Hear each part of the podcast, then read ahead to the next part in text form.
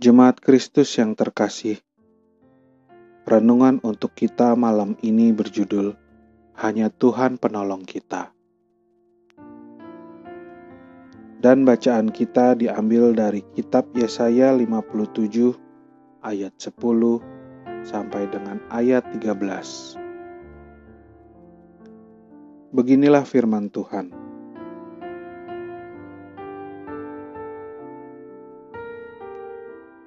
Oleh perjalananmu yang jauh, engkau sudah letih lesu.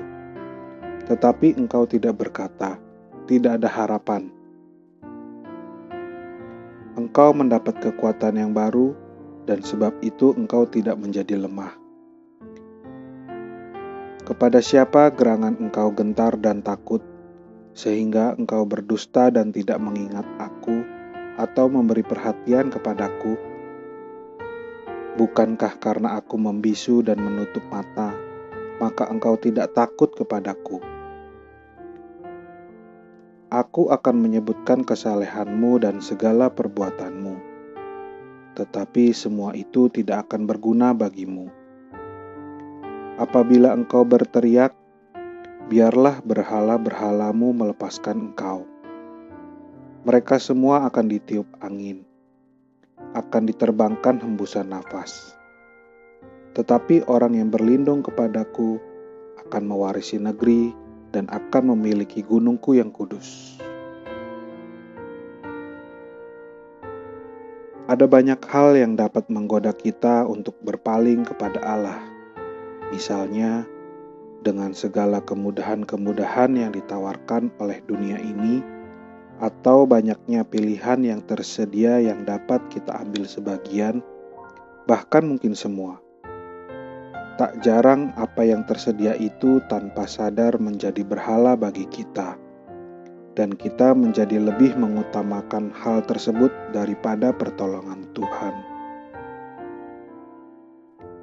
Hal ini tidak bisa diingkari, karena memang sering kali apa yang dapat terlihat langsung oleh mata dan dapat dirasakan indera kita dirasa lebih meyakinkan dan memberikan keamanan. Karena hal ini kita menjadi ragu dengan pertolongan Tuhan. Bahkan mungkin bertanya dalam hati, apakah benar Tuhan menolong? Apakah benar Ia menerima kita? Apakah benar kita akan dapat berlindung dalam naungan Tuhan? Pertanyaan-pertanyaan tersebut bisa saja muncul kapan pun dan dalam situasi yang tidak tertebak. Bisa karena persoalan yang kita hadapi tidak kunjung selesai, lalu kita mencari jalan keluar alternatif yang pada akhirnya melupakan Tuhan. Ataupun juga bisa karena apa yang kita miliki membuat kita terlena dan lupa bahwa segala hal yang kita miliki tersebut juga berasal dari Tuhan.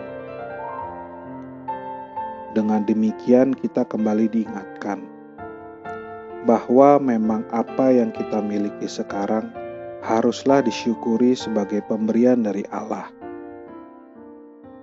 dan karena kasih Allah, kita dapat memilikinya Sekaligus kita juga diajak untuk menyadari bahwa apa yang kita miliki sekarang tidak lebih besar daripada kasih Allah sendiri bagi kita. Hendaknya kita terus sadar bahwa hanya Tuhan yang dapat menolong kita dan dapat menjadi tempat perteduhan bagi kita turun-temurun.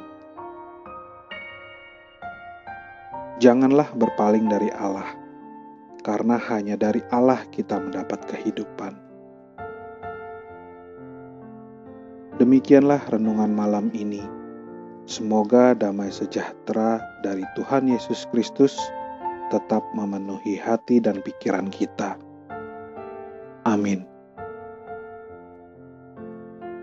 Jemaat yang terkasih, mari kita bersatu hati, masing-masing menaikkan pokok-pokok doa yang ada dalam gerakan doa 21 GKI Sarwa Indah. Mari kita berdoa.